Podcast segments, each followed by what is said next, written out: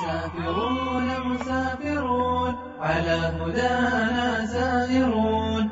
مستمسكون بديننا بفضل ربي ظاهرون. دليلنا قرآننا فيه الهدايا حائرون. إمامنا نبينا مهما يقول الجائرون. مسافرون مسافرون على هدانا سائرون. مستمسكون بديننا بفضل ربي ظاهرون ونبع السعادة شرعه وبغيره لا لن تكون. إن الحياة لرحلة والكل فيها عابرون مسافرون مسافرون. مسافرون. برنامج من إعداد وتقديم فضيلة الشيخ الدكتور محمد العريفي. مسافرون.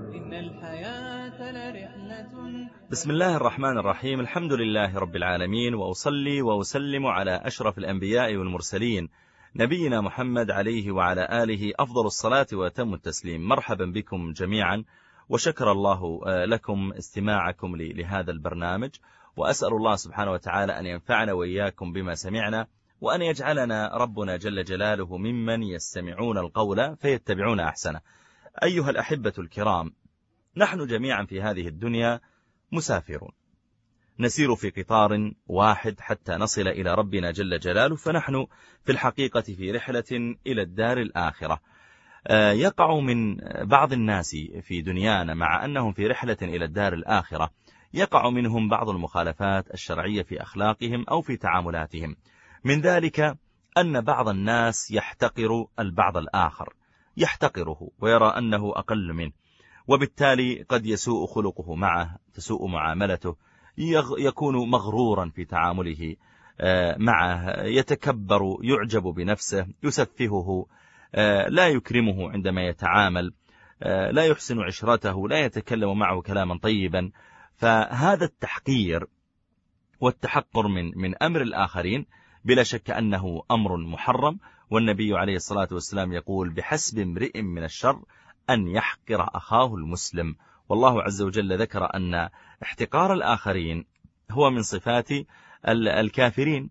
كما قال سبحانه وتعالى عن بعض الرسل لما دعا قومه فردوا عليه قائلين اسمع كيف كان شعور أولئك القوم من الكفار؟ كيف كان شعورهم تجاه رسولهم وتجاه أتباعه؟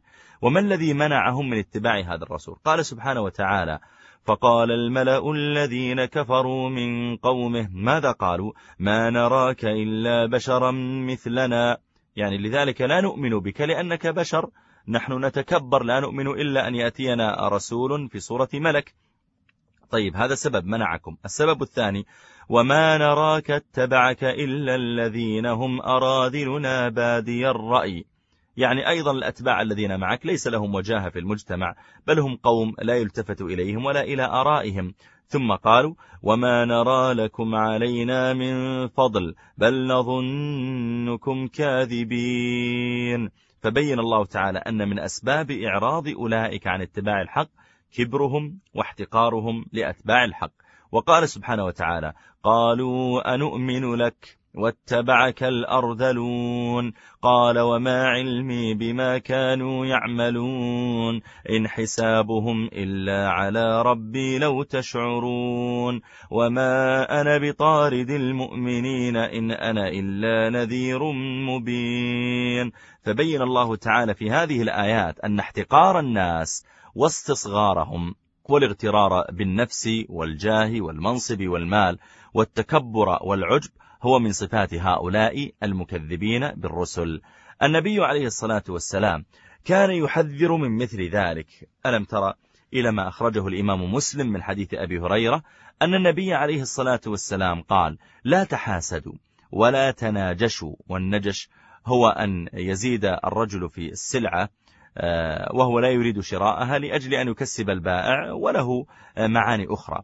قال لا تحاسدوا ولا تناجشوا ولا تباغضوا ولا تدابروا ولا يبع بعضكم على بيع بعض وكونوا عباد الله إخوانا. المسلم أخو المسلم لا يظلمه ولا يخذله ولا يحقره. ثم قال التقوى ها هنا. إذا ما دام أنك أخ لأخيك وأن المسلمين إخوة لا ينبغي أن تظلمه ولا أن تخذله. لو جاء يستنصر بك على مصيبة معينة أو لأجل أمر معين فلا تخذله. كن رجلا وأعنه. قال ولا يحقره.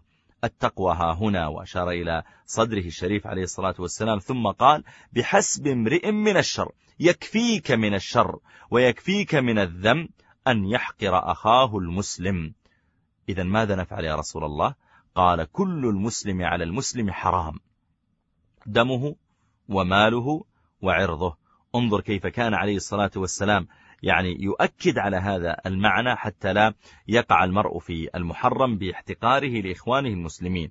وقال النبي عليه الصلاة والسلام كما في حديث ابن عمر الذي رواه أحمد وغيره. قال من سمع الناس بعمله سمع الله به سامع خلقه وصغره وحقره. ثم ذرفت عين عبد الله بن عمر وهو يروي الحديث. ما معنى هذا الحديث؟ قوله عليه الصلاة والسلام من سمع الناس بعمله يعني الذي يأتي ويقول للناس أنا والله بالأمس صليت تسع ركعات وخشعت وبكيت وقرأت سبعة أجزاء وقبل يومين تصدقت ومنذ ثلاثة أيام فعلت كذا. فالذي يسمع الناس بعمله يفضحه الله تعالى يوم القيامة ويسمع الناس به. يقول عليه الصلاة والسلام وصغره وحقره. نعوذ بالله تعالى من التصغير والتحقير. وكذلك بين النبي عليه الصلاة والسلام في أحاديث متعددة أن المرأة إذا استطال في عرض أخيه فإنه يقع في أرض الربا. قال عليه الصلاة والسلام كما في حديث أبي هريرة عند أبي داود قال إن من أرب الربا. يعني من أعظم الربا والزيادة في الضلال الاستطالة في عرض المسلم بغير حق يعني أن أستطيل عليه وأن أغتر وأن أتكبر عليه آه، احتقارا له. فلا شك أن هذا أيضا من أعظم المحرمات لأن فيه آه، نوع احتقار لإخواننا المسلمين. وفي حديث عائشة رضي الله تعالى عنها كما عند أبي داود وغيره قالت قلت للنبي عليه الصلاة والسلام يا رسول الله حسبك من صفية وهي صفية بنت حيي رضي الله تعالى عنها أم المؤمنين. وتعلمون أيها الفضلاء ما يقع بين الضرائر بين زوجات الرجل الواحد ما يقع بينهن أحيانا من الغيرة والتنافس وربما تكلمت إحداهن في عرض الأخرى. فقالت عائشة يا رسول الله حسبك من صفية. يعني يكفيك ذما في صفية. أنها كذا وكذا وأشارت بيدها تعني أنها قصيرة. تقول تعجبك؟ وهي قصيرة قزمة تحقرها. فغضب النبي عليه الصلاة والسلام. قال لقد قلت كلمة. لو مزجت بماء البحر لمزجته. يعني هذه الكلمة من عظمها وجلالة خطبها عند الله. لو أخذناها الكلمة ومزجناها بماء البحر لمزجته من ثقلها وكثرتها. قالت وحكيت له إنسانا. يعني قلدت له شخصا في مشيته أو حركته قال عليه الصلاة والسلام ما أحب أني حكيت إنسانا وأن لي كذا وكذا. والحديث رواه أبو داود. يعني حذرها من أن تحتقر الناس بحركاتهم أو نحو ذلك. فهذه الأمور التي نبه النبي عليه الصلاة والسلام عائشة عليها تبين لنا بأن احتقار الناس بالكلام أو أن احتقارهم بالأفعال أنه جميعا محرم وأن المتكبر لا يحبه الله في حديث ابن مسعود رضي الله تعالى عنه قال قال النبي عليه الصلاة والسلام لا يدخل الجنة من كان في قلبه مثقال ذرة من كبر. إذا أنت متكبر وترى نفسك أمام الناس فتحتقرهم لأن ثوبك أحسن من ثيابهم ولأن نعلك أحسن من نعالهم ولأن وظيفتك أرفع من وظائفهم. فإنك إن كنت متكبرا في قلبك مثقال ذرة من كبر فانتبه من هذا الوعيد. لا يدخل الجنة من كان في قلبه مثقال ذرة من كبر. فقال رجل يا رسول الله. هذا الرجل يريد أن يستوضح معنى الكبر. قال يا رسول الله إن الرجل يحب أن يكون ثوبه حسنا ونعله حسنة. يعني أنا إذا اعتنيت بمظهري أصبح متكبرا ويقع علي الوعيد فقال عليه الصلاة والسلام إن الله جميل يحب الجمال. الكبر بطر الحق وغمط الناس. بطر الحق أي رد الحق وعدم قبوله وغمط الناس أي احتقار الناس. احتقار الناس والحديث رواه الإمام مسلم. انظر إلى مثل ذلك. لو أننا تأملنا مثله فعلا وصار الإنسان محاسبا لنفسه في كل كلماته وكلما رأى آه، أحدا آه، يعني آه، أقل منه ربما أقل منه في قوة جسده أو في نسبه أو في ماله أو في كثرة ولده أو في سيارته أو في ثوبه ينبغي ألا تحتقره فربما قد فضله الله تعالى عليك بعبادة ورقة قلب أو أنه ينتظره أيضا من الخير في الدنيا قبل الآخرة ما لا, ما لا ينتظرك. ينبغي أن نحذر من مثل ذلك. يقول آه، ابن كثير آه، رحمه الله لما قرأ قوله تعالى يا أيها الذين آمنوا لا يسخر قوم من قوم يقول ينهى الله تعالى عن السخرية بالناس واحتقارهم والاستهزاء بهم. قال كما ثبت في الصحيح أن النبي عليه الصلاة والسلام قال الكبر بطر الحق وغمط الناس. قال ابن كثير والمراد من ذلك احتقارهم واستصغارهم وهذا حرام فإنه قد يكون المحتقر أعظم قدرا عند الله تعالى وأحب إليه من الساخر منه. فقال عز وجل هماز مشاء بنميم أي الذي يحتقر الناس ويهمزهم طاغيا عليهم ويمشي بينهم بالنميمة. فلننتبه أيها الإخوة والأخوات من مثل ذلك. نحن مشكلتنا أحيانا أننا آه، نزين ما يراه الناس من ظاهرنا فنلين العبارات ونلطف الكلام ونلبس أحسن اللباس لكن ربما وقع في قلوبنا آه، بعض الأمور التي تفسد علينا أعمالنا. من الكبر الذي في القلب واحتقار الناس بل تواضع تكن كالنجم لاح لناظر على صفحات الماء وهو رفيع ولا تك كالدخان يعلو بنفسه على طبقات الجو وهو وضيع. لا يقع في قلبك كبر ولا غرور بل إذا رأيت أحد من الناس وإن كان أقل منك فاعلم أنك لم تختر مقدار مالك ولم تختر آه، نسبك وحسبك. إنما الله جل وعلا هو الذي قسم بين الناس معيشتهم. التحقير له مضار كثيرة. آه، منها مثلا أنه يؤدي بالإنسان إلى أن يؤذي الآخرين فيؤدي به إلى أن يكون مفلسا لأنه سيتعدى عليهم ربما بيده أو بلسانه أو بشتمه فيأخذون من حسناته يوم القيامة.